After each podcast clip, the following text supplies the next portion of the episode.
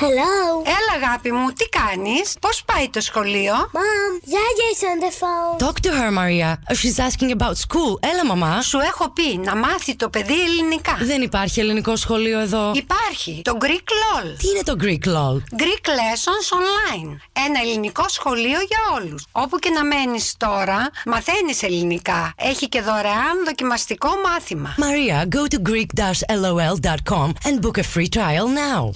Greek Lessons Online is the biggest Greek online school and the first Greek school coming right to your door. All lessons are delivered by highly qualified native Greek teachers. Open the virtual door of the most popular and innovative online Greek school and book your free trial lesson today at greek-lol.com. Ben jij een Griekenland-liefhebber? Hou jij van het heerlijke eten, de gezellige sfeer, de kunst en muziek die Griekenland te bieden heeft? Dit keer hoef je niet ver te reizen. Je hoeft alleen maar naar de Expo Houten te komen. Van 15 tot en met 17 maart toveren wij Expo Houten in Utrecht om in een klein stukje Griekenland. Kom langs om te netwerken, genieten en maak dagelijks kans op een reis naar Griekenland. Tweede Griekse Nederlandse Expo Festival. Feel, taste and live Greece.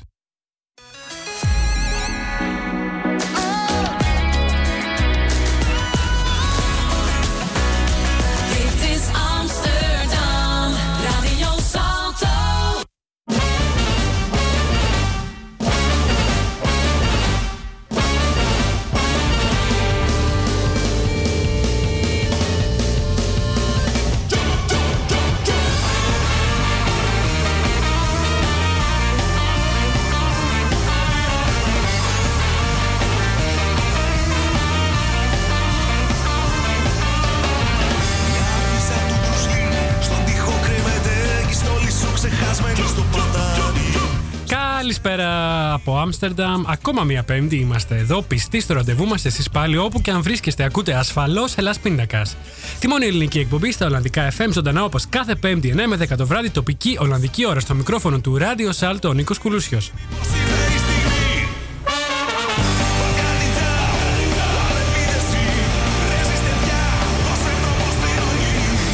Εκπέμπουμε ζωντανά από το δημοτικό σταθμό του Άμστερνταμ. Υπάρχουν αρκετοί τρόποι για να μας ακούσετε live.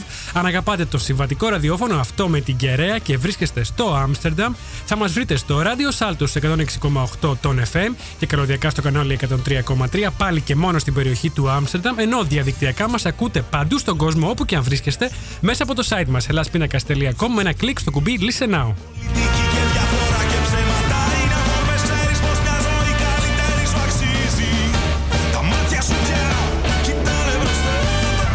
Απόψε στο Las Pindacas Under the Stars Greek Theater with English Subtitles με αφορμή την παράσταση «Η κάτω από τα αστέρια» το «Η» με ομικρον γιώτα το Las Pindacas εξασφάλισε για απόψε δύο συνεντεύξεις με τους πρωταγωνιστές του έργου.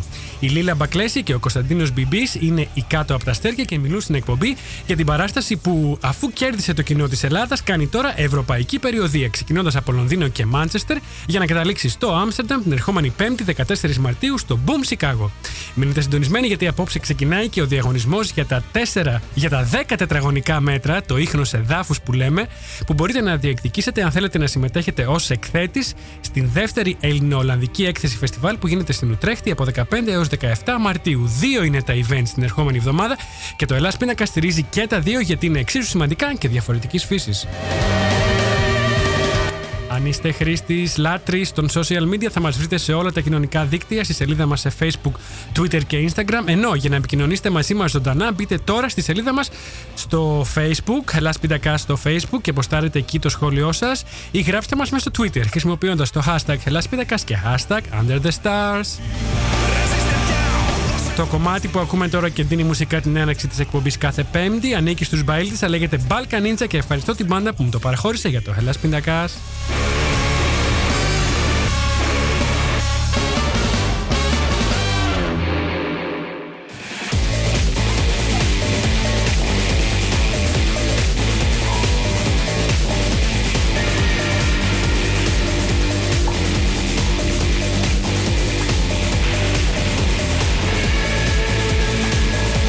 Ξεκινάμε δυναμικά και αρκετά συγκινητικά θα έλεγα με το κομμάτι που έγραψε ο Παύλος Παυλίδης για το Ζακ Κωστόπουλο, για το χαμό, για τη δολοφονία του Ζάκο Κωστόπουλου.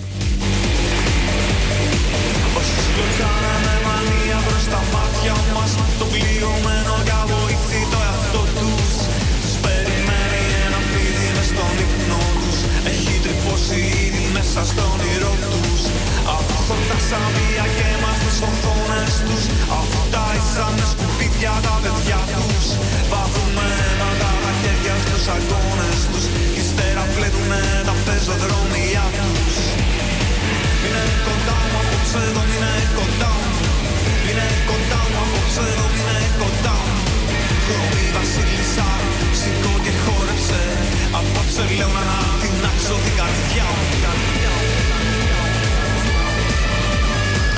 στείλω γρήγορα, γρήγορα τα χαιρετίσματα για απόψε, για να περάσουμε στις συνεντεύξεις μας. Δεν έχουμε πολύ χρόνο, είναι μεγάλες συνεντεύξεις, 20 με 23 λεπτά η κάθε μία. Ξεκινάω από τον Καναδά, όπως πάντα. Hi from Amsterdam to all our friends over at agapigreekradio.com and hi to all our Facebook friends too from all over the world. Την καλησπέρα μου στη Γιώτα Μπαρόν, στο Γιώργο Καρτσονάκη, στη Βασιλική Τσεπέρκα, στον ε, Γιάννη Παπαπαναγιώτου, στο Σταμάτη, στη Θεοδόρα, στην Ιωάννα, στη Δόξα Ραϊνάκη, στο Βασίλη Τσαμασίρο, στη Φέη, την Αγγελική και την Αρετή, στη Μάριαν και τη Βασιλική από τα πρόσωπα events, στην ανιψιά μου τη Μαριάννα που ακούει από το Βελιγράδι, αν δεν έχει κοιμηθεί ήδη, στη Βίβια Χιονάτη, ψυχολόγο μας από το Expat Nest, στον Αντώνη και τους Super Greeks, στην Τέτη και τον Γιώργο, στον Παναγιώτη, στον Πασχάλη και φυσικά την καλησπέρα μου στον ανεκτήμητό μου συνεργάτη, στο φίλο και συνοδοιπόρο τον Νίκο Τοδούλο.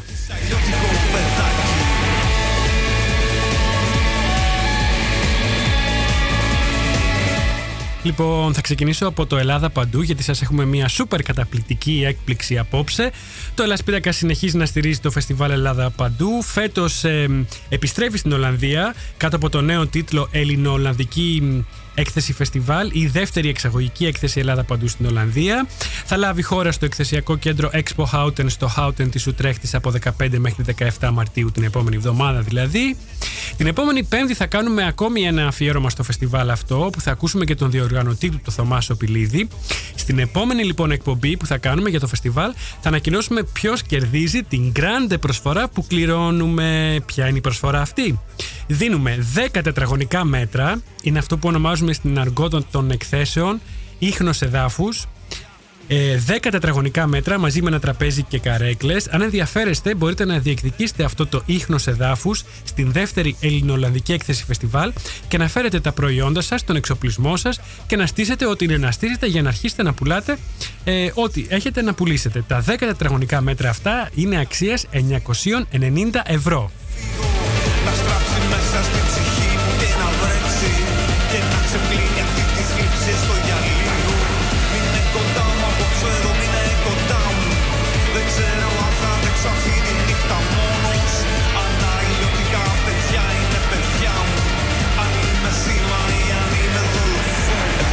Γεια σου Φέη, σε βλέπω και στο facebook τώρα.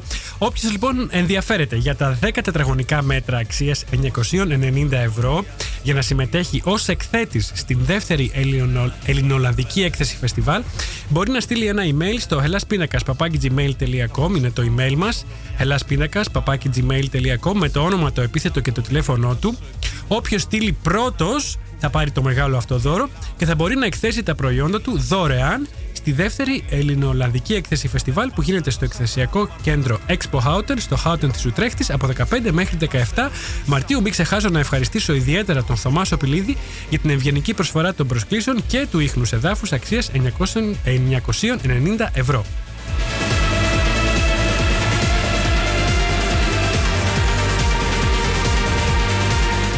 Τώρα ο λόγος για τους, ε, ο λόγος τους πρωταγωνιστές της παράστασης «Η κάτω από τα αστέρια», το «Η» με όμικρον γιώτα. Ποιοι είναι όμως; Η Λίλα Μπακλέση και ο Κωνσταντίνος Μπιμπής. Η Λίλα είναι μία από τις πιο αγαπημένες και ανερχόμενες νέες ηθοποιούς στην Ελλάδα από την πρώτη της εμφάνιση στην τηλεόραση με τη σειρά «Τα Μαμ». Το κοινό την αγκάλιασε σε Ελλάδα και Κύπρο, αλλά έχει πρωταγωνιστήσει και στο «Ούφο Νεύσης» του Πάνου Κοκκινούλου. Η Λίλα είναι από την Πάτρα, αλλά τα τελευταία χρόνια μένει στην Αθήνα. Ο Κωνσταντίνος Μπιμπής ο Κωνσταντίνος Μπιμπής είναι από τους πιο καταξιωμένους νέους ηθοποιούς και μέλος της ομάδας Αλφα Ιδέα. Κέρδισε το βραβείο Δημήτρης Χόρν για νέους ηθοποιούς το 2017. Έχει παίξει σε πολλές σκηνές παγκοσμίως, όπως σε Μεξικό και Κορέα και σε πολλές ευρωπαϊκές πόλεις. Και οι δύο συνεντεύξεις έγιναν τηλεφωνικά. Πάμε να ακούσουμε πρώτα την Λίλα Μπακλέση και στη συνέχεια θα επανέλθουμε για να ακούσουμε και τον Κωνσταντίνο Μπιμπή. Λίλα Μπακλέση στο Ελλάς Πίνακας. Αποκλειστικά. Έχουμε στο τηλέφωνο την Λίλα Μπακλέση, την ηθοποιό που μαζί με τον Κωνσταντίνο Μπιμπί αποτελούν τους κάτω από τα αστέρια, τους οποίους θα απολαύσουμε στο Άμστερνταμ την 5η 14 Μαρτίου στο Boom Chicago για μία μόνο παράσταση. Καλησπέρα, Λίλα, πες μας που βρίσκεσαι αυτή τη στιγμή. Καλησπέρα. Αυτή τη στιγμή βρίσκομαι στο Λονδίνο. Ε, ήρθα για να, ε, γιατί πρέπει να γίνουν κάποιες προετοιμασίες για την παράστασή μας και εδώ ε, που παίζουμε στις 6 Μαρτίου και μετά θα έρθουμε ομαδικώς στο Άμστερνταμ για να προετοιμάσουμε και την παράσταση εκεί. Ωραία. Άρα δεν μένεις μόνιμα στο Λονδίνο, μένεις στην Αθήνα; Μένω στην Αθήνα αλλά θα μείνω για αρκετούς μήνες τώρα στο Λονδίνο. Κάνω κάποια σεμινάρια κινηματογράφου. Α, πάρα πολύ ωραία. Καλή επιτυχία. Ευχαριστώ πολύ. Η καταγωγή σου από πού είναι, Λίλα; Έχω μεγαλώσει στην Πάτρα, αλλά έχω καταγωγή από ένα χωριό της Φωκίδας. Μάλιστα. Ήθελα να σε ρωτήσω τι είναι αυτό που σου λείπει από την Πάτρα, ε, εφόσον έχεις μεγαλώσει εκεί, και τι είναι αυτό που στην ουσία το σκέφτεσαι με νοσταλγία όπου και αν βρεθείς; Ε, νομίζω η επαφή με τη θάλασσα. Σε καταλαβαίνω, είμαι σαλονικιός. Ναι. Ναι, ναι, μπορείτε να με καταλάβετε. Δεν μου λείπει η υγρασία, να σου πω την αλήθεια. Όχι βέβαια. Αλλά μ, η επαφή με τη θάλασσα. Βέβαια στην Αθήνα ε, το ότι δεν βρέχει τόσο πολύ όπως βρέχει στην Πάτρα. Δηλαδή στην Πάτρα ξεκινάει να βρέχει και δεν σταματάει ποτέ. Ναι. Ε, αυτό με έχει κάνει να αγαπήσω και πολύ την Αθήνα και πολύ το κέντρο της Αθήνας. Ε, Ωραία, και μιας και μου είπες για την Αθήνα, είναι η Αθήνα ακόμα μια πόλη που εμπνέει, που σε εμπνέει εσένα προσωπικά ή και καλλιτεχνικά, αν θέλεις; Καλλιτεχνικά σίγουρα και νομίζω ε, κάθε χρόνο γίνονται τα πράγματα σε καλλιτεχνικό επίπεδο σίγουρα καλύτερα. Ε, ειδικά για εμάς που μένουμε στο κέντρο της Αθήνας και δουλεύουμε και ζούμε στο κέντρο. Ε, μ, έχουμε διαφορετικές προσλαμβάνουσες και αυτό σίγουρα μας εμπνέει και για κάτι διαφορετικό. Με- με- μέσα στο πλαίσιο της πολυ- πολιτισμικότητας που πλέον ε, μ, υπάρχει στην Αθήνα και μόνο έμπνευση μπορεί να, να είναι για μας. Ωραία, μίλησες για πολυπολιτισμικότητα και είσαι αυτή τη στιγμή στο Λονδίνο, οπότε θέλω να σε ρωτήσω και τι έχει το Λονδίνο, πιστεύεις, που δεν έχει η Αθήνα. Ακόμα, ίσως; Ε, μ, δεν έχει αγκαλιάσει ακόμα την πολυπολιτισμικότητά της. Ενώ στο, στο Λονδίνο βλέπουμε ότι αυτό είναι που τους κάνει να νιώθουν περήφανους. Ότι ουσιαστικά δεν έρχεσαι σε μια α, ακόμα πόλη της Μεγάλης Βρετανίας, αλλά έρχεσαι στο, στο Λονδίνο που είναι ε, μ, μια βαβέλ. Ένα, είναι το, το, το κέντρο του κόσμου. Ναι, σωστή η παρατήρηση. Λοιπόν, να πούμε και για την παράσταση. Ή κάτω από τα αστέρια, το ή με όμικρον γιώτα. Ε, ας πούμε καταρχήν για το έργο αυτό καθεαυτό. Ποιος το έγραψε; Λοιπόν, το έργο το έχει γράψει ο Τηλέμαχος Τσαρδάκας. Ε, είναι ένας υπέροχος πατρινός και αυτός ε, Έλα. και συγγραφέας. Ναι, ναι, ήμασταν φίλοι, ε, εδώ και πολλά, είμαστε φίλοι μάλλον εδώ και πολλά χρόνια και είναι και πολύ φίλος με τον Κωνσταντίνο και μ, έγραψε ένα έργο ε, σκεπτόμενος τον Κωνσταντίνο και εμένα. Εγώ με τον Κωνσταντίνο δεν ε, ε, ήμασταν απλώς γνωστοί, δεν ε, κάναμε παρέα, δεν γνωριζόμασταν καλά και μας έστειλε αυτό το κείμενο ε, ενθουσιαστήκαμε και αποφασίσαμε ότι θέλουμε να το, να το ανεβάσουμε. Έπρεπε οπωσδήποτε να αναμετρηθούμε με αυτό το έργο. Μιλάει για τον Νικολή και τη Μένια. Είναι ένα ζευγάρι που μεγαλώνει σε ένα νησί του Αιγαίου εμ, τη δεκαετία, τέλος της δεκαετίας 80, αρχές 90. Ερωτεύονται στα 14 τους. Χωρίζουν, τα ξαναφτιάχνουν, χωρίζουν, τα ξαναφτιάχνουν. Είναι ένας από αυτούς τους έρωτες ε, που ε, συνεχίζουν στο διηνεκές και μ, τους βλέπουμε εμείς γύρω στα 35 τους, όταν έχουν φτάσει στα 35 τους χρόνια, ε, μιλάνε εφόλης τις ύλες για τη σχέση τους. Τι πήγε καλά, τι δεν πήγε καλά. Να πούμε ότι αυτοί οι δύο έχουν προχωρήσει με τη ζωή τους. Και βέβαια όλα αυτά μέσα σε ένα ε, πολύ χιουμοριστικό πλαίσιο γιατί μπορεί, όλοι το ξέρουμε αυτό, ότι μπορεί να τσακωνόμαστε με τον σύντροφό μας ή τη σύντροφό μας, εμείς να υποφέρουμε, αλλά για τους παρατηρητές να είναι ένα θέαμα πάρα πολύ αστείο. Μμμ.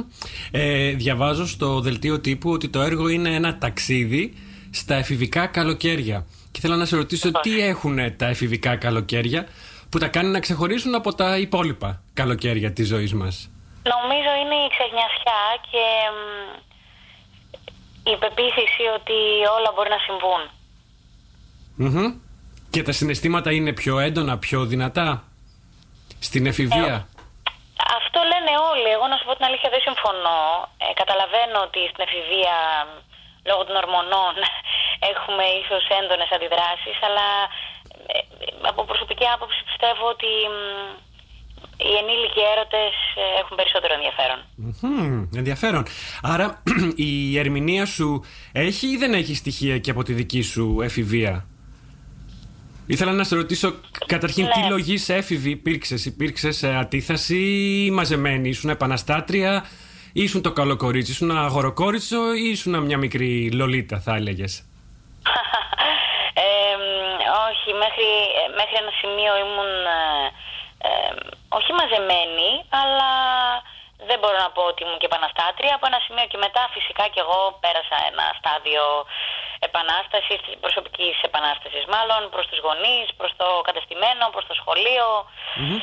Ε, μ, Το νομίζω μικρόβιο; ήταν αρκετά υγιές όλο αυτό που συνέβη και με βοηθά τώρα να συνεχίζω τη ζωή μου με ένα, ε, πώς να το πω, ε, να έχω τα μικρά ξεσπάσματα που ίσως πρέπει να έχουμε Ναι. απέναντι σε, σε, σε αυτό το, σε αυτό το φαύλο κύκλο της ε, καθημερινότητας. Ναι.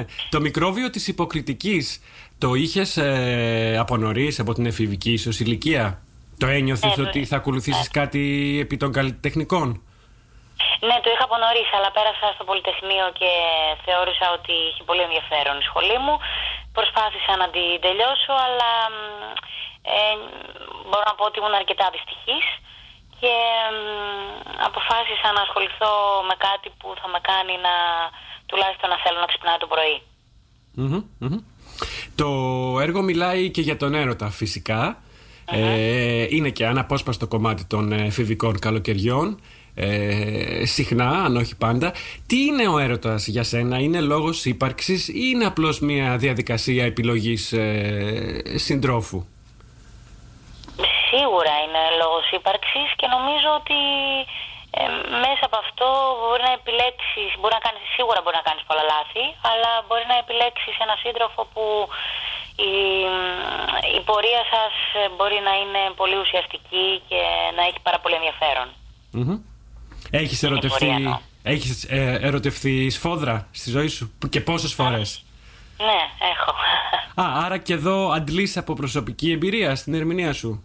Να πω, να πω την αλήθεια, εμ, αυτή η κοπέλα με έχει μαγνητήσει η Μενίτα Για πες μου. και προσπάθησα να εμ, την προσεγγίσω εμ, χωρίς να σκέφτομαι ακριβώς ε, τη δική μου προσωπικότητα γιατί σε πολλά πράγματα δεν συμφωνώ μαζί της Μμμ. αλλά εμ, πραγματικά με έχει μαγνητήσει και αντιλώ όχι μόνο από την προσωπική μου ζωή και από, από την καθημερινότητα, από αυτά που βλέπω, από τους φίλους μου ε, και έχω φτιάξει, νομίζω έχω συνθέσει έναν άνθρωπο ε, που έχει υπόσταση πάνω στη σκηνή. Και ουσιαστικά κάθε βράδυ καλούμε να υπερασπίσω αυτή την ιστορία και να πω την, και να πω την ιστορία τους. Να πω την ιστορία της Μενίτας, να πω την πλευρά της Μενίτας και ο Νικολής, ο Κωνσταντίνος Ζουμπής, δηλαδή κάθε βράδυ προσπαθεί να με αντικρούσει. Μμμ. Είπες ότι μ, δεν συμφωνείς ε, σε όλα ε, με το χαρακτήρα, με τα χαρακτηριστικά της, ε, π- της, ε, του, του ρόλου. Πες μας ε, μ, σε ποια σημεία συμφωνείς, σε ποια σημεία ταυτίζεσαι με τη Μενίτα; Ε, θα σου πω την αλήθεια, δεν μπορώ να αποκαλύψω πάρα πολλά πράγματα. Ε, οκ. Ένα-δύο πράγματα να αποκαλύψω. Ε, Πάνω πάνω. Ας πούμε ότι είναι μια ρομαντική ψυχή. Μάλιστα. Ας πούμε, ίσως αυτό μόνο μπορώ να Ναι, πω. βεβαίως. Μμμ. Ε, ε, το προσεγγίσαμε με μια λογική, επειδή, ε, το, το έργο το έχουμε σκηνοθετήσει με τον Κωνσταντίνο και την Άρτεμι Γρίμπλα. Ε, Θα σε το ρωτήσω για τους προσεγγίσαμε μια συντελεστές. λογική ε, ε, με σκηνοθεσίας αμερικάνικης. Ε, οπότε ο κόσμος μπαίνει μέσα στο, στο θέατρο, μέσα στο χώρο ε, και νιώθει ότι μας βλέπει από την κλειδαρότρυπα. Δηλαδή ότι βρίσκεται ε, στο, στο σωστό σημείο τη λάθος στιγμή. Μμμ. Εμ, και αυτό έχει πάρα πολύ ενδιαφέρον γιατί κάθε βράδυ γίνεται και κάτι μοναδικό. Και κάτι Αυτό για διαφορετικό μένα και έχει κάτι το μεγαλύτερο ξεχωριστό. ενδιαφέρον. Γι' αυτό ξέρω, το έχω μάθει τόσο καλά αυτή την κοπέλα, τη Μενίτα.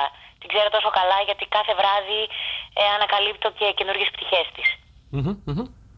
Πες μας και για τον εσύ πρωταγωνιστή σου, τον Κωνσταντίνο, πώς, ε, μάλλον, πώς πρωτογνωριστήκατε, θυμάσαι να μου πεις, με τον Κωνσταντίνο Μπιμπί; Ε, γνωριστήκαμε σε κοινές παρέες, εμ, αλλά θυμάμαι το, το, το, μια βραδιά που είχαμε βρεθεί σε ένα μπαρ, σε ένα κοινό μας στέκι. Στην Αθήνα. Μιλήσαμε λίγο για τον τηλέμαχο εμ, και συνειδητοποιήσαμε ότι είμαστε κοινοί φίλοι και του στείλαμε μια φωτογραφία, εμ, μια selfie και ο τηλέμαχος μας απάντησε εκείνη τη στιγμή ότι γράφω κάτι πάνω σας και θα σας το στείλω μέσα στο μήνα. Και θυμάμαι πάρα πολύ καλά ότι γελάσαμε και λέγαμε πω πω μας κάνει και πλάκες τώρα ο τηλέμαχος και όμως μέσα στον ίδιο μήνα ο τηλέμαχος μας έστειλε τους κάτω από τα αστέρια. Άρα ήταν ε, σημαδιακή η φωτογραφία που του στείλατε. Βεβαίως, βεβαίως. Ε, για τον Κωνσταντίνο τώρα ως ε, συμπροταγωνιστής σου ήθελα να σε ρωτήσω τι είναι αυτό που έχει ε, και ως ερμηνευτής το οποίο ζηλεύεις ή θαυμάζεις; Όποια από τα δύο ρήματα σου αρέσει περισσότερα; Νομίζω κυρίως τον Κωνσταντίνο θαυμάζω ότι ε, ανα πάσα στιγμή ε, όταν βρίσκεται πάνω στη σκηνή είναι εκεί και είναι εκεί για σένα, είναι εκεί για να, για να παίξετε μαζί. Νιώθω πολύ ότι εμ, κρατάω την παιδικότητά μου όταν παίζουμε ε, μαζί με τον Κωνσταντίνο πάνω στη σκηνή ή όταν κάνουμε πρόβες ή όταν συζητάμε για το τι θέλουμε να δοκιμάσουμε την επόμενη φορά στην παράσταση. Ε, αυτό είναι κάτι που θαυμάζω και το, το κρατάω. Ε, ελπίζω και για τις επόμενες συνεργασίες μου. Ε, Νομίζω είναι από, από τα πιο σημαντικά ε, πώς να το πω, προτερήματά του. Και ε, δεν έχετε ξαναβρεθεί μαζί επί σκηνής. Είναι- Όχι, αφού δεν, δεν κάναμε καν παρέα. Α, δεν κάνατε καν παρέα. Απλά ήσασταν ε, μακρινοί φίλοι κάπως. Ήμασταν ε, γνωστοί. Γνωστοί. Ήμασταν γνωστοί μέσα στο χώρο γιατί εντάξει, είμαστε συγκεκριμένοι άνθρωποι στο χώρο στην Ωραία. Αθήνα.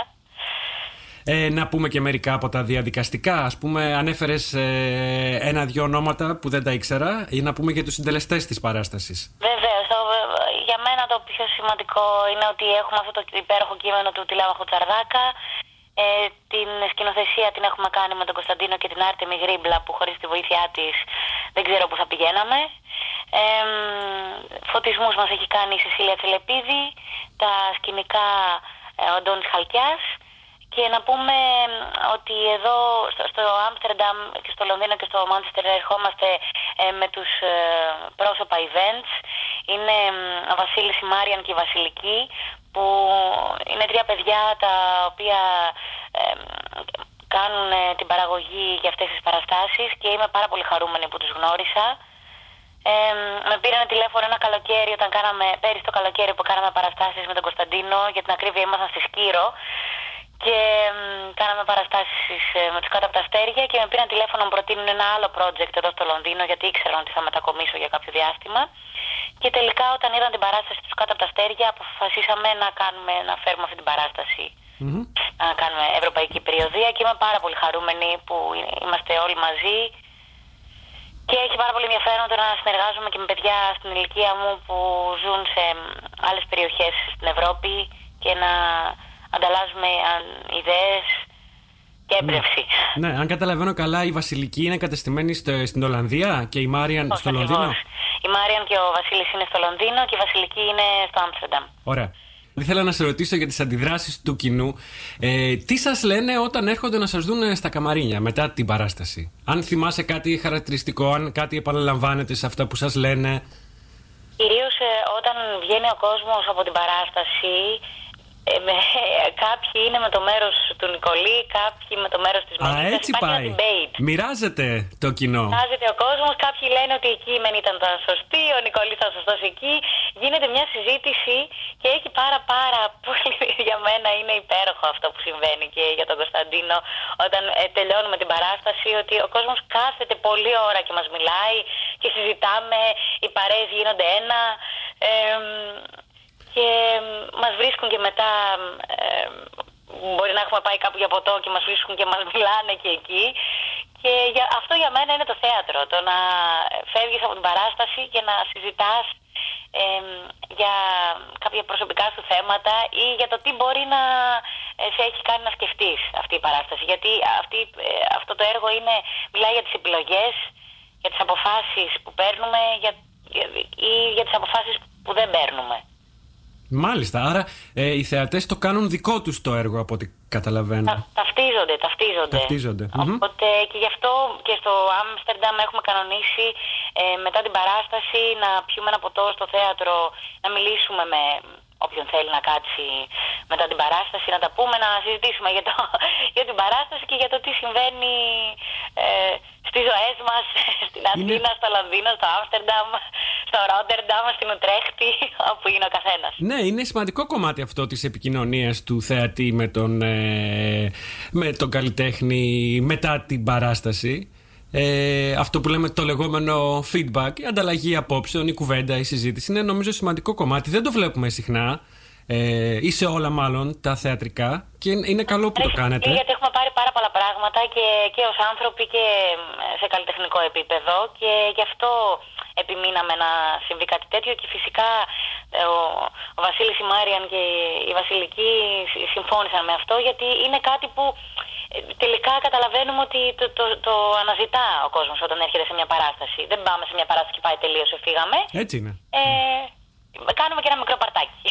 Άρα να ρωτήσω κάτι, παίρνετε κάτι από αυτές τις συζητήσεις το οποίο στη συνέχεια μπορεί ας πούμε, να το ενσωματώσετε κάπως, αν όχι στο κείμενο, τουλάχιστον στην ερμηνεία σας, επί σκηνής. Σίγουρα, σίγουρα. Αυτό είναι το θέμα. Ότι Ναι. α, ε, ε, ε, εσείς βλέπετε μια παράσταση και ουσιαστικά θα δείτε μια παράσταση στο Άμστερνταμ και θα έχουν προηγηθεί όλες αυτές οι παραστάσεις και όλοι αυτοί οι άνθρωποι που βρήκαμε, ε, ο- όλοι, όλα αυτά τα παιδιά που μιλήσαμε και αυτά υπάρχουν μέσα στο έργο. Γιατί είναι, είναι τα καλοκαίρια όλων μας. Έτσι είναι. Ε, αρκετά συγκινητικά ακούγονται όλα αυτά. Ε, Έτσι όπως φυσικά τα η ζωή περιγράφω. έχει και χιούμορ Ναι. και συγκίνηση. Ναι, ναι, ναι. Ε, τώρα κάτι τελευταίο. Τι θα έλεγες στο κοινό του Άμστερνταμ, αν υπάρχει κάποιο μήνυμα ε, από σένα για όσους σκέφτονται να έρθουν ή για όσους έχουν αποφασίσει να έρθουν, σίγουρα να σας δουν; Ε, ελάτε να ερωτευτούμε μαζί και να ε, μπούμε σε αυτό το δίλημα ότι αν ε, στη ζωή μας έχουμε κάνει, κάνουμε πράγματα που μας πάνε μπροστά ή αν υπάρχουν πράγματα που μας κρατάνε πίσω και ας πάρουμε επιτέλους ε, κάποιες αποφάσεις, ας, ας γίνουμε λίγο πιο, ας έχουμε λίγο περισσότερο θάρρος. Αυτό μόνο μπορώ να πω. Όμορφα, πολύ όμορφα. Έχεις Σίγουρα ξανάρθει. βέβαια όσοι είναι στο Άμστερνταμ έχουν πάρει κάποιες αποφάσεις με πολύ μεγάλο ρίσκο και, και έχουν δείξει το, απο- το απαιτούμενο θάρρος. Οπότε νομίζω θα βρεθούμε και θα ανταλλάξουμε απόψεις και θα, θα μας κάνουν και εμάς να προχωρήσουμε περισσότερο. Έτσι θα γίνει, θα γίνει μάλλον. Έχεις ξανάρθει στο Άμστερνταμ; Έρχομαι, έχω έρθει αρκετές φορές γιατί είναι η καλύτερη μου φίλη στο Άμστερνταμ, οπότε Μάλιστα, σ' ακούω, μιλάς έτσι με, με αρκετή γλύκα για, τα- για την πόλη. Έτσι το νιώθω τουλάχιστον εγώ. αγαπώ πολύ. Ήμουν, ήμουν και πριν κάποιους μήνες εκεί, την αγαπώ πολύ. Θα μπορούσες να ζήσεις ε, μόνιμα, να τα μαζέψεις και να έρθεις εδώ, σε μια πόλη σαν το Για κάποιο Άμστερνταμ. διάστημα θα μπορούσα να μείνω. Ξέρεις, είναι, ε, μόνο επειδή είμαι ηθοποιός, είναι η γλώσσα το, το θέμα. Είναι τελείως διαφορετικό Βέβαια. στα αγγλικά, να μιλάς στα αγγλικά και να παίζεις στα αγγλικά. Θα χαρώ πολύ να μπορούσα να κάνω μια ταινία που να μιλάς στα αγγλικά και να είναι γυρισμένη στο Άμστερνταμ. Α, λοιπόν, το σημειώνω εδώ για τα σχέδια για το μέλλον, έτσι. Βεβαίως. λοιπόν, καλώς να ορίσετε εδώ στην πόλη του Άμστερνταμ. Θα σας δούμε την 5η 14 Μαρτίου στο Boom Chicago. Μέχρι τότε καλή επιτυχία σε Λονδίνο και Μάντσεστερ. Ευχαριστούμε πάρα πολύ, ανυπομονούμε να έρθουμε. Καλή συνέχεια και φιλιά στους Έλληνες ε, της Αγγλίας, αφού είσαι εκεί τώρα. ευχαρίστω, ευχαρίστω. Καλή συνέχεια. και Ευχαριστώ Γεια πολύ. χαρά, Λίλα, γεια σου. Γεια, γεια.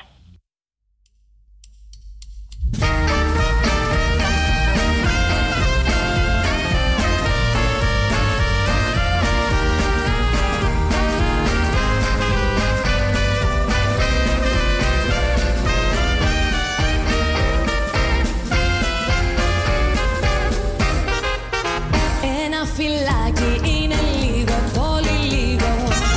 Δύο φυλάκια είναι λίγο, τι να πω. Τρία φυλάκια είναι λίγο, πολύ λίγο. Δώσε μου τέσσερα αν θες να σ' αγαπώ. Αυτή ήταν ε, η Λίλα, η Λίλα Μπακλέση, τις ίδιες πέρι που ερωτήσεις έκανα και στον Κωνσταντίνο, με κάποιες προσθήκες φυσικά. Να στείλω και την καλησπέρα μου στην ε, Λεοντίν Κλάιμπρινγκ. Και θα έλεγα να πάμε γρήγορα γρήγορα να ακούσουμε και τη δεύτερη συνέντευξη με τον Κωνσταντίνο Μπιμπί, γιατί δεν έχουμε πολύ χρόνο. Και θα επανέλθουμε αμέσως μετά για να κλείσουμε την εκπομπή. Έχουμε στο τηλέφωνο τον ηθοποιό Κωνσταντίνο Μπιμπί που μαζί με την Λίλα Μπακλέση αποτελούν τους κάτω από τα αστέρια, τους οποίους θα απολαύσουμε στο Άμστερνταμ την 5η 14 Μαρτίου στο Boom Chicago για μία μόνο παράσταση. Καλησπέρα Κωνσταντίνε. Καλησπέρα, καλησπέρα. Αν καταλαβαίνω καλά, σε βρίσκουμε στην Αθήνα αυτή τη στιγμή. Βεβαίως, βεβαίως. Μένεις εκεί μόνιμα; Ναι. Η καταγωγή σου από πού είναι; Από την Κωνσταντινούπολη είναι η μητέρα μου και ο πατέρας μου του Σκύρο. Αλήθεια. Βεβαίως. Ενδιαφέρον ο... Λίγο πόλη, λίγο νησί. Ναι, ναι, ναι. Ε, μ, η Αθήνα ε, είναι ακόμα μια πόλη που εμπνέει, σε εμπνέει προσωπικά ή καλλιτεχνικά; Κοίταξε, να δεις, έχω μια σχέση μίσους ε, πάθος με την Αθήνα. Ενώ ξέρεις, κάθε φορά που φεύγω από την Αθήνα ανοίγει η ψυχή μου. Ε, πολλε- με το που περνάνε λίγες μέρες μακριά της μου λείπει. Είναι φοβερό αυτό που συμβαίνει. Δεν ξέρω αν θα σταματήσει να συμβαίνει ποτέ. Όχι, η σε αλήθεια είναι πως καταλαβαίνω. με τα χρόνια η Αθήνα πάντως γίνεται όλο και πιο ενδιαφέρουσα καλλιτεχνικά. Ναι, ε. Ναι, Θα έχω μας την δώσεις- αίσθηση και μ, ξέρεις ε, μέσα από τα ιδρύματα τα οποία σιγά σιγά δίνουν όλο και περισσότερα χρήματα και όλο και περισσότερη προσοχή στον πολιτισμό, η καστική, το θέατρο, είναι λίγο σαν να γινόμαστε, ε, τολμώ να πω, το νέο Βερολίνο με τα χρόνια. Έχει σημασία η γνώμη σου, ε, γιατί διαβάζω εδώ ότι έχεις παίξει σε πόλεις ε, ε, όπως στην Κορέα, ε, σε πόλεις της Κορέας, ε, στο Μεξικό έχεις παίξει και σε ευρωπαϊκές πόλεις. Άρα ήθελα να σε ρωτήσω ποιο είναι το ατού, ποιο είναι το δυνατό χαρτί της Αθήνας σε σχέση με άλλες ε, πόλεις και πρωτεύουσες. Κοίταξε, θεατρικά μιλώντας, γιατί ε, Ναι. αυτό, έχω την κα- καλύτερη γνώση έχω σε σχέση με αυτό, αυτή την τέχνη ε, λόγω Ναι, ναι. επαγγέλματος. Στην Αθήνα μ, υπάρχει ένας διάλογος που δεν συναντάται, γιατί ξέρεις δεν έχουμε ακριβώς κάποιο ρεύμα ή κάποια συγκεκριμένη παράδοση να ακολουθούμε πιστά σε σχέση με το θέατρο. Ε, οπότε γίνονται πολύ ενδιαφέροντες ε, διάλογοι συνεχώς και δημόσιοι στην Αθήνα. Τώρα μιλάμε για φέτος για χίλιες πρεμιέρες, έτσι. Αυτό δεν συμβαίνει πουθενά στον κόσμο. στην Αθήνα έχουμε χίλιες πρεμ- πρεμιέρες περίπου φέτος. Οπότε, ξέρεις, ε, μέσα από όλα αυτά τα στοιχεία γύρονται πολύ ενδιαφέροντα, όλο και πιο ενδιαφέροντα πράγματα. Η καλλιτεχνική, η θεατρική παραγωγή του Άμστερνταμ οχριά μπροστά στα νούμερα που μας, ε, στο νούμερο που μας έδωσες. Ποιο και της Νέας Υόρκης. Ε, φοβερό αυτό που σημαίνει εδώ. Ναι, ναι, ναι, ναι. Ε, Μιας και μιλάμε για άλλες πόλεις και, πόλεις και για άλλες χώρες, έχεις βρεθεί, έχεις παίξει. Ήθελα να σε ρωτήσω, το κοινό διαφέρει ποιοτικά ε, σημαντικά από χώρα σε χώρα ή τελικά οι άνθρωποι αντιδρούν με παρεφερή τρόπο ανεξαρτήτως από τη χώρα στην οποία ζουν σε αυτό που βλέπουν; Ε, Θέλω να πω, το κοινό διαφέρει απόλυτα από χώρα σε χώρα ή υπάρχουν αρκετά κοινά σημεία ταύτισης ως προς τον τρόπο που αντιλαμβάνονται ένα θεατρικό έργο; Υπάρχουν αρκετά σημεία ταύτισης. Ε, νομίζω θα ήταν αυτό το πιο, το πιο κοντινό στην πραγματικότητα. Κοίταξε, εγώ είχα την τύχη ε, να παίξω στο εξωτερικό μέχρι στιγμής για ντόπιους με τις παραστάσεις μου ε, με υπέρτιτλους οι οποίες απευθύνονταν στους ντόπιους. Πράγμα το οποίο ήταν πολύ μεγάλο, είχε πολύ μεγάλο ενδιαφέρον για μένα. Ε, και επειδή ακριβώς ε, το θέατρο, ε, το πιο πειραματικό, το πιο το, το οποίο όμως παραμένει λαϊκό, αλλά το θέατρο ξέρεις, που πειραματίζεται λίγο με τον εαυτό του και με, τους, ε, με τις δομές, γίνεται εξίσου αποδεκτό και στο Μεξικό και στη Νέα Υόρκη ε, και στην Κομωτινή. Δηλαδή, πώς να σου το πω, ότι είναι- δηλαδή ο κόσμος αντιδρά με τον ίδιο τρόπο, νομίζω. Μάλιστα. Και σε σχέση με την ευρωπαϊκή περιοδία που κάνετε τώρα, ε, με την παράσταση αυτή, μιλάω για Λονδίνο, Μάντσεστερ και Άμστερνταμ. Το έργο που θα παρουσιάσετε επί σκηνής, ε, θα είναι εξ ολοκλήρου το ίδιο ή από πόλη σε πόλη θα κάνετε και κάποιες προσθήκες, προσαρμογές, αλλαγές ίσως; Ε, όχι, είναι, είναι το- αυ- αυτό το έργο απλώς ε, θα το καταλάβεις ε, αν ε, μας τιμήσεις και εσύ με την παρουσία σου. Θα καταλάβεις πως είναι μια παράσταση όπου πολλά στοιχεία της είναι ε, φλερτάρουν με τον αυτοσχεδιασμό, φλερτάρουν με τις αλλαγές, με το πώς θα εκπλήξει ο ένας το οποίο τον άλλον. Οπότε ε, θα υπάρχουν αλλαγές οι οποίες δεν τις ορίζει ο χώρος αλλά μάλλον ε, η διάθεσή μας Μάλιστα. Ε, έχει σπουδάσει υποκριτική, φαντάζομαι. Μμμ. Έχεις έχεις σπουδάσει θέατρο. Ε, τι είναι το θέατρο για σένα, Δεν σε άκουσα. Τι είναι το θέατρο για σένα, στη ζωή σου. Ναι, κοίταξε. Ε, μέχρι στιγμής από το 2011 δηλαδή που έχω τελειώσει τη σχολή και δουλεύω ακατάπαστα, ε, το θέατρο είναι η καθημερινότητά μου, είναι ε, το κομμάτι της ζωής μου που αισθάνομαι περισσότερο ασφάλεια. Ε, είναι το απάγγιο μου, ας πούμε, δηλαδή εκεί που ηρεμώ. Μμμ. Αν σου δινόταν η ευκαιρία, αν είχες την ευκαιρία κατά ένα μαγικό τρόπο ε, να αλλάξεις τη ζωή σου, ε, θα έκανες κάτι διαφορετικό, θα ακολουθήσει μια άλλη πορεία. Πιστεύεις ή το θέατρο είναι ε, για σένα το μόνο που υπάρχει; Κοίταξε, δεν, ε, νομίζω ότι με κάποιον τρόπο πάλι θα κατέληγα στο θέατρο, δηλαδή ακόμα και αν προσπαθούσα. Νομίζω ότι δεν μπορώ να κάνω τίποτα άλλο. Μμμ. Ε, ε, και δεν θέλω κιόλας. Απλώς θέλω με τα χρόνια να ξέρεις να δημιουργήσω και για τον εαυτό μου λίγο πιο ανθρώπινες συνθήκες. Γιατί όπως ξέρεις στην Ελλάδα, το να είσαι καλλιτέχνης είναι στα όρια της πολυτέλειας πια. ε, μ, βιοπορίζεσαι όμως πλέον από αυτό, έτσι, από το θέατρο. Ναι, βιοπορίζομαι χρόνια από αυτό. Απλώς εγώ έχω, για να, το, για να το πετύχω αυτό, ε, έχω εμπλακεί και με την παραγωγή. Δηλαδή, όλες μου οι παραστάσεις είναι και δικές μου παραγωγές με έναν τρόπο. Οπότε έχω φορτωθεί και όλο αυτό το γραφειοκρατικό χάος παράλληλα για να τα καταφέρω. Πράγμα το οποίο δεν είναι. Στο τέλος της ημέρας είναι εξα, εξαντλητικό. Αυτό προσθέτει κάτι, σε βοηθά κάπου ή αφαιρεί από την προσπάθειά σου ως ε, ηθοποιός; Κοίταξε, άλλοτε προσθέτει και άλλοτε αφαιρεί. Με την έννοια ότι ε, πάντα μιλάμε με τα δεδομένα της Ελλάδας, όπου οι θεατρικές, ε, η, η- η θεατρική παραγωγή τα τελευταία χρόνια έχει, ενώ υπάρχει αύξηση όπως είπαμε και πριν και πολύ καλλιτεχνικά ενδιαφέροντα πράγματα, ε, οι τρόποι της παραγωγής και οι τακτικές των παραγωγών ε, φαίνονται να μην ενδιαφέρονται για το αν οι ηθοποιοί μπορούν να ζήσουν. Ε, πράγμα το οποίο αναγκάζει κάποιους από εμάς να παίρνουμε ε, και την κατάσταση αυτή ξέρεις, στα χέρια μας με έναν τρόπο. Οπότε με αυτή την έννοια προσθέτει. Ε, αφαιρεί ακριβώς κάποιες μέρες που ε, αισθάνεσαι να σε συνθλίβει ας πούμε η εφορία και το ΕΦΚΑ και τα Υπουργεία και όλη αυτή η κατάσταση. Η γραφειοκρατία. Ναι, ναι, ναι, που στην Ελλάδα καταλαβαίνεις υπάρχει και ένα φετίχ, ένα καυκικό φετίχ με όλα αυτά. Κάτι άλλο τώρα. Το ταλέντο ενός ηθοποιού πώς το αναγνωρίζεις, πώς το αναγνωρίζουμε; Να σου πω την αλήθεια, δεν έχω καταλάβει τι ακριβώς ε, εννοούμε όταν λέμε ταλέντο. Θέλω να πω ότι. Ε, Να το κάνω εγώ λίγο πιο συγκεκριμένο. Είναι κάτι που διδάσκεται, πιστεύεις; σίγουρα. Ε, σίγουρα. Εννοώ ότι ε, και η υποκριτική ε, είναι μια τέχνη η οποία διδάσκεται και έχει και τις μεθόδους της, έχει και τη τεχνική της κτλ. κτλ. Με πάρα πολλή δουλειά ε, μπορεί ε, ένας ηθοποιός να γίνει πολύ καλύτερος. Τώρα κοίταξε να δεις, ως ταλέντο πολλές φορές ερμηνεύεται και ε, η, μη- μια ανάγκη πολύ μεγάλη κάποιου ανθρώπου να εκφράσει κάποια πράγματα. Να εκφραστεί από σκηνής. Τώρα αν αυτή η μεγάλη ανάγκη ε, μπει σε στο σωστό κανάλι μαζί με, με μόρφωση, με παιδεία, με ρεθίσματα και με πολύ πολύ δουλειά δεν μπορεί να φτιάξει ένα ολοκληρωμένο ηθοποιό.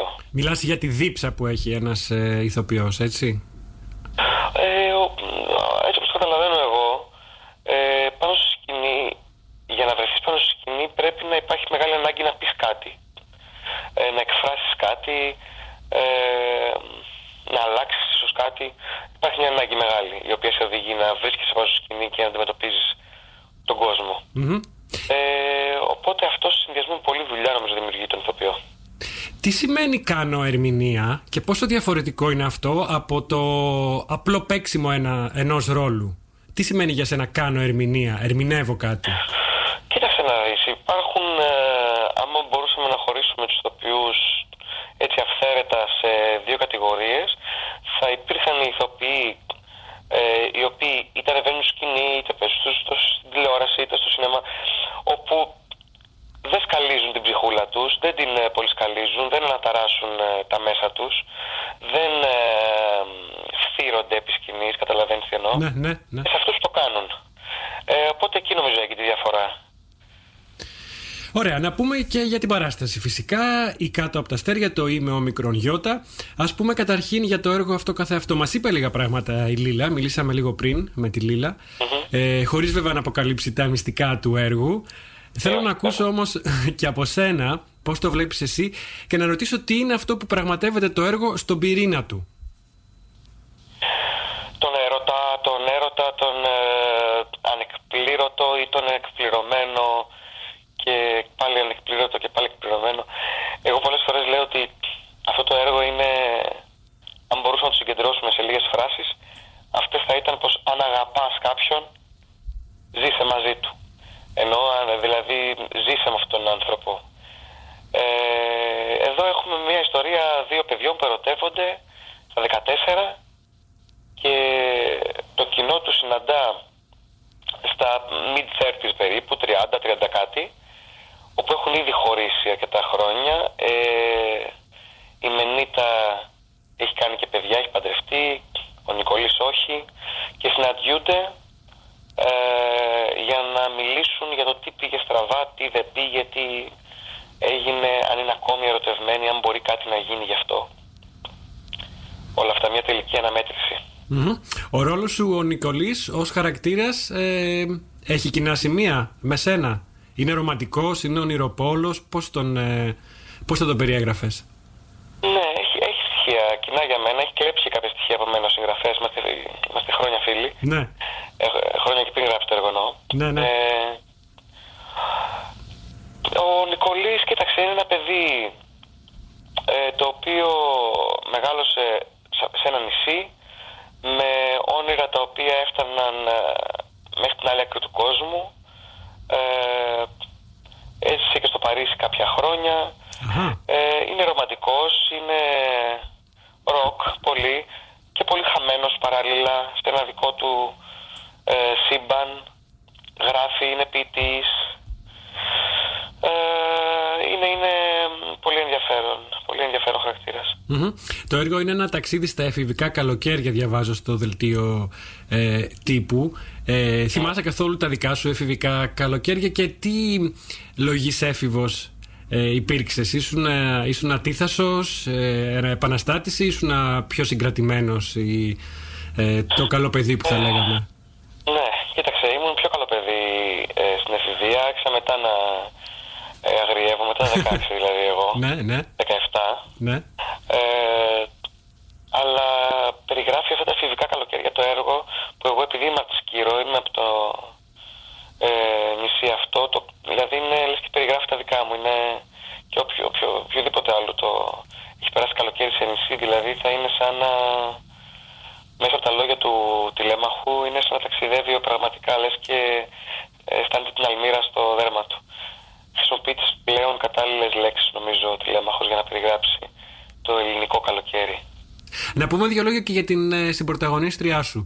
Πώς πρωταγωνιστήκατε με την ε, Λίλα, θα μου πεις; Με Θυμάσαι; τη Λίλα γνωριστήκαμε ε, από κοινές παρέες σε, στην Αθήνα ε, και, και πολύ λίγο μέχρι που μας ε, ήρθε η πρόταση του τηλέμαχου να παίξουμε σε αυτό το έργο. Δηλαδή όταν ήρθε αυτό το έργο δεν γνωριζόμασταν πολύ καλά με τη Λίλα. Ε, απλώς είχαμε βρεθεί σε κάποιες κοινές παρέες. Και πώς... Ε, ε, ναι, ναι. Μετά γνωριστήκαμε στην ουσία, μέσα από τις πρόβες. Και πώς δέσατε ε, επί σκηνής, πώς είναι η χημεία σας με τη Λίλα; Είναι φοβερό καμιά φορά αυτό που συμβαίνει. Ξέρεις, είναι φοβερό αυτό που συμβαίνει στη δουλειά μας γιατί ε, με τη Λίλα ήταν απλώς σαν να σαν να έπρεπε να γίνει ακριβώς έτσι. Να είμαι εγώ, να είναι η Λίλα, να γράψει το έργο τηλέμαχος, να είναι η Άρτεμις, ε, η Γρίμπλα, ε, η συναδελφός μας από κάτω, να μας ε, βοηθάει στη σκηνοθεσία. Δηλαδή ήταν όλα λες και έκατσαν, λες και τέτρις. Ήταν Πήγαν γραφτό. στα κουτάκια και κούμποσαν. Ήταν γραφτό δηλαδή να γίνει. ναι, με έναν τρόπο, ναι. Τι είναι αυτό που έχει ως ερμηνεύτρια η Λίλα, το οποίο ζηλεύεις ή θαυμάζεις; Διάλεξε εσύ όποιο ρήμα ε, σου αρέσει. Κοίταξε, ε, στο πρώτο 20 λεπτό της παράστασης έχω εγώ ένα μονόλογο. Ε, στον οποίο η Λίλα ε, δεν χείλο. Δεν μιλάει. Αυτό το πρώτο 20 λεπτό, λοιπόν, που η Λίλα είναι σαν να μιλάει ε, μαζί μου, αλλά δεν μιλάει, Ναι. αλλά είναι σαν να μιλάει, ε, αυτό που κάνει στο πρώτο 20 λεπτό, καλά. Και, και μετά φυσικά, απλώς λέω ότι για μένα, εγώ αυτό ακριβώς είναι που θαυμάζω στη Λίλα. Δεν θα μπορούσα να το κάνω νομίζω. Να μένω 20 λεπτά χωρίς να μιλάω σε μια σκηνή και να μιλάω κιόλας. Μμμ. Χωρίς να κάνει καμία υπερβολή, είναι καταπληκτικό αυτό που κάνει. Θα το δείτε. Απαντώντας την ίδια ερώτηση, σου αποκαλύπτω τώρα, η Λίλα μας είπε για σένα ότι αυτό που θαυμάζει στην ερμηνεία σου είναι πως επί σκηνής είσαι πάντα εκεί για την συμπροταγωνίστριά σου και πως μαζί σου μπορεί ε, και κρατά την παιδικότητά της όταν παίζεται, αλλά και στην πρόβα και στις κουβέντες σας. Πώς το ακούς αυτό, Ε, την αγαπώ πολύ. ε, ναι, κοίταξε να δεις. Ε, αυτό δεν πάει όμως ε, ποτέ μονόπλευρα. Θέλω να πω ότι δεν θα μπορούσα να ήμουν εγώ εκεί πάντα για τη Λίλα αν δεν αισθανόμουν ότι είναι εκεί πάντα και αυτή για μένα. Γι' αυτό σε ρωτάω, ναι. Ε, ναι, ναι, ναι. Αυτό είναι αμφίδρομο. Ειδικά όταν είμαστε δύο άνθρωποι πάνω στη σκηνή. Ε, έχουμε και έχουμε ζήσει ε, μια πολύ δύσκολη περιοδία. Έχουμε δηλαδή αυτούς τους δύο μήνες ε, περάσαμε ε, μαζί πολλά ταξίδια και πολλή ταλαιπωρία και πολλές παραστάσεις και πολλά όμορφες στιγμές βέβαια. Και δημιουργήσαμε πια ένα μ, κώδικα και πάνω στη σκηνή και κάτω από τη σκηνή πολύ ε, π- μεγάλης αλληλοστήριξης που είναι πολύ σημαντικό και πολύ σπάνιο να σου πω στη δουλειά μας επίσης. Α, μάλιστα. Εγώ ήθελα να μείνω λίγο στην, ε, στον όρο παιδικότητα. Ε, είναι ενδιαφέρον αυτό που μου λες και εσύ φυσικά, αλλά ήθελα να σε ρωτήσω, είναι και για σένα σημαντικό να κρατά κάποιος την παιδικότητά του σε μια σχέση επαγγελματική, φιλική; Και τι σημαίνει, έχει να κάνει με, με την αυθεντικότητα, η παιδικότητα, με την αλήθεια; Κοίταξε, εγώ δεν ξέρω να σου πω την αλήθεια. Εγώ ε, όντως με την καλή θέλω να πιστεύω ε, έννοια. Λειτουργώ στη δουλειά σαν παιδί. Χαίρομαι σαν παιδί, κλαίω σαν παιδί. Είμαι, είμαι σαν παιδί και στις πρόβες και στις παραστάσεις. Ενώ είναι. ε, πα- πάντα έτσι δεν μπορώ, δεν μπορώ να τυλίξω το θέατρο με ενήλικο, ενήλικους όρους. Καταλαβαίνεις τι εννοώ. Η καθαρότητα των συναισθημάτων, ας πούμε, των παιδικών, ε, είναι που μπορεί να εκφράσει μέσα στο θέατρο τα μεγέθη. Μάλιστα. Αναλογούν. Το κρατάω αυτό, καθαρότητα συναισθημάτων. Πες μας λίγο και για τη μέχρι τώρα περιοδία στην Ελλάδα. Ήσασταν σχεδόν σε όλες τις πόλεις sold out, αν όχι σε όλες, δεν είμαι σίγουρος. Πήρατε και παράταση στην Αθήνα και παρουσιάσατε το έργο και σε πολλές άλλες πόλεις και σε νησιά, έμαθα. Ναι, ναι. Πώς ήταν η Ήταν εμπειρία; στο Σκύρο. Ναι. Ε, πήγαμε σε πάρα πολλές πόλεις. Πήγαμε στην Κρήτη, σε όλη τη Βόρεια Ελλάδα, στα Γιάννενα, στην Πάτρα πολλές φορές. Ε, πήγαμε και στην Κο. Ε, γυρίσαμε, γυρίσαμε την Μυτιλίνη, σχεδόν όλη την Ελλάδα. Μμμ. Ε, ήταν πολύ συγκινητική η ανταπόκριση του κόσμου. Δεν το πιστεύαμε. Γιατί εντάξει, ξε- ξεκινάς μια παράσταση. Στην Αθήνα ξεκίνησε πολύ δυναμικά από τις πρώτες δύο εβδομάδε. Δηλαδή ήταν sold out η παράσταση από εκεί πέρα συνέχεια. Ε, και όπου και αν πηγαίναμε, κάπως έγινε μια πολύ καλή διασπορά πληροφορίας Ναι, και παντού, παντού ε, θέλουν να μας δούνε και αυτό δεν συμβαίνει συχνά στην πορεία ενός ηθοποιού. Είναι από τις σπάνιες φορές που κάθεσαι και το απολαμβάνεις. Ναι. Ένα άλλο που δεν συμβαίνει συχνά είναι αυτό που κάνετε, που συζητάτε με το κοινό μετά την, παρά, την παράσταση. Και θέλω να μου πεις Ναι. μέχρι τώρα αν υπάρχει κάτι που σας είπαν, που σας λένε όταν έρχονται να σας δούνε στα, με- μετά την παράσταση εννοώ, στα καμαρίνια ή στο φουαγέ. Ε, αν υπάρχει κάτι χαρακτηριστικό που θυμάσαι, που σου έκανε εντύπωση, που επαναλαμβάνεται στα σχόλια του κόσμου; Κοίταξε, υπάρχουν δύο-τρία που όμως αν τα πω θα προδώσω την ε, εξέλιξη του έργου. Πες Δεν μας θα ένα. ήθελα. Ένα πες μας μόνο. το πιο αθώο. Ε, κοίταξε, το πιο, το πιο ωραίο είναι ότι... Ε, Παίρνουν θέση. Αυτό μας είπε η Λίλα. Παίρνουν Ότι θέση. παίρνουν θέση. Δηλαδή υποστηρίζουν είτε τον Νικολή, είτε. Ε, την- Αυτό. Ε; Αυτό είναι το πιο ωραίο, ναι. Αυτό. Ναι, ναι. Παίρνουν θέση. Παίρνουν θέση. Συνήθως ε, είναι προς προς τη μενίτα το πράγμα πηγαίνει. Προς το Ακόμα μέρος. και από άντρες; Ε, όχι, από γυναίκες. Από γυναίκες. Α, α, α, ναι, μπράβο, ναι, ναι, ναι. Δηλαδή οι άντρες στηρίζουν τον Νικολή και οι γυναίκες τη Μενίτα. Συνήθως ναι, κάποιες γυναίκες και τον ε, Νικολή, κάποιοι άντρες και τη Μενίτα, αλλά κυρίως ναι, χωρίς τα στρατόπεδα είναι έτσι. Ε, τι θα έλεγες στο κοινό του Άμστερνταμ, Ποιο είναι το μήνυμά σου για όσους σκέφτονται να έρθουν ή για όσους έχουν αποφασίσει και θα έρθουν να σας δουν; Εντάξει, για τους Έλληνες που ζουν εκεί και τους λείπει η Ελλάδα θα πονέσουν. Αλήθεια. θα πονέσουν, θα πάρουν αεροπλάνο την άλλη μέρα να βρουν έρωτες, να φύγουν πίσω να γυρίσουν και τέτοια. θα νοσταλγήσουν. Φαντάζομαι εννοείς θα νοσταλγήσουν. ναι, ναι, ναι. Πράγματα, ναι. Ε, για ε, τους Ολλανδούς ή οποιουσδήποτε άλλους ε, είμαι πολύ περίεργος να δω πώς θα εκλάβουν αυτή την παράσταση γιατί πραγματικά ξέρεις τι για μας τους Έλληνες ε, πολλές φορές όταν λες, λέμε ας πούμε τη λέξη βότσαλο, κοχύλι λέμε κάποια πράγματα με βουτιές, κάνουμε βουτιές θέλω να πω κάποια πράγματα τα οποία για μας είναι στο DNA μας Ναι. διαγραμμένα Ναι. ε, οπότε συνδέομαστε αυτόματα. Τώρα είναι πολύ περίεργος μετά λοιπόν συζητώντας ε, και με ντόπιους να δω πώς θα το εκλάβουν. Να σε βοηθήσω λίγο, δεν ξέρω αν θα τα καταφέρω. Ε, η Ολλανδία έχει και πολλή θάλασσα και πολλά βότσαλα Τέλεια. και βουτιές κάνουν οι, Ο- οι Ολλανδοί όταν κολυμπάνε. Όπου μπορούν. ναι. τέλεια.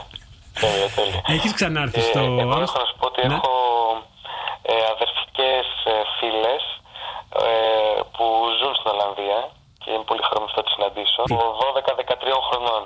Ολλανδές. Ολλανδές, οι οποίες ε, ερχόντουσαν κάθε καλοκαίρι στη Σκύρο. Όταν ήμασταν. Ναι, ε, αυτό 12 θέλει, χρονών, θέλει, κάθε καλοκαίρι, δηλαδή. θέλουμε την ιστορία. Να μας πεις την ιστορία θέλουμε. Χμ, 15 χρόνια φίλοι. Αλήθεια, πω πω. Βεβαίως, βεβαίως. Η Σκύρος νομίζω έκανε το, το μαγικό αυτό κονέ, έτσι; Βεβαίως, Η Σκύρος. βεβαίως. Ωραία. Έχεις ξανάρθει Όταν στο... για βουτιές; Ακριβώς. Ε, άρα να υποθέσω ότι έχεις ξανάρθει στην Ολλανδία ή στο Άμστερνταμ, ναι; Άλλες ε, δύο φορές ναι. Δύο φορές.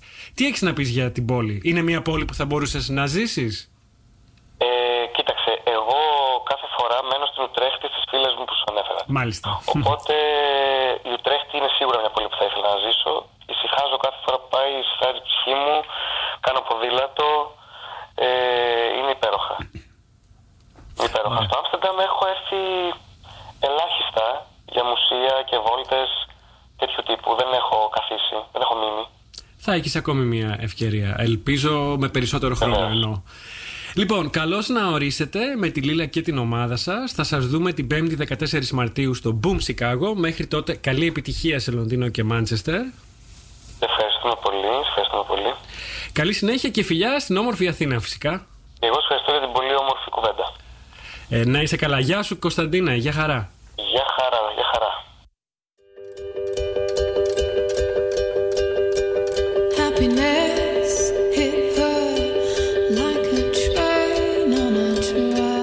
Φτάσαμε στο τέλος. Ευχαριστώ τη Λίλα και τον Κωνσταντίνο για το χρόνο τους και για τα όσα ωραία μοιράστηκαν μαζί μας απόψε. Ραντεβού στο Boom Chicago την Πέμπτη, την επόμενη Πέμπτη, 14 Μαρτίου στις 8 το βράδυ για την παράσταση «Η κάτω από τα αστέρια».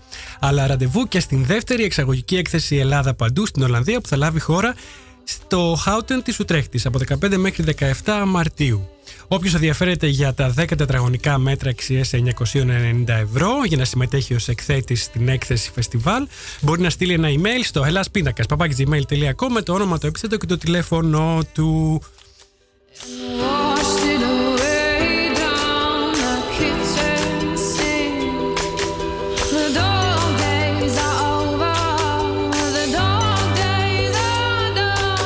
Done. Όποιος ε, στείλει πρώτος, αυτός θα πάρει και το μεγάλο δώρο και θα μπορεί να εκθέσει τα προϊόντα του δωρεάν στη δεύτερη Έλληνο-Ολλανδική έκθεση φεστιβάλ.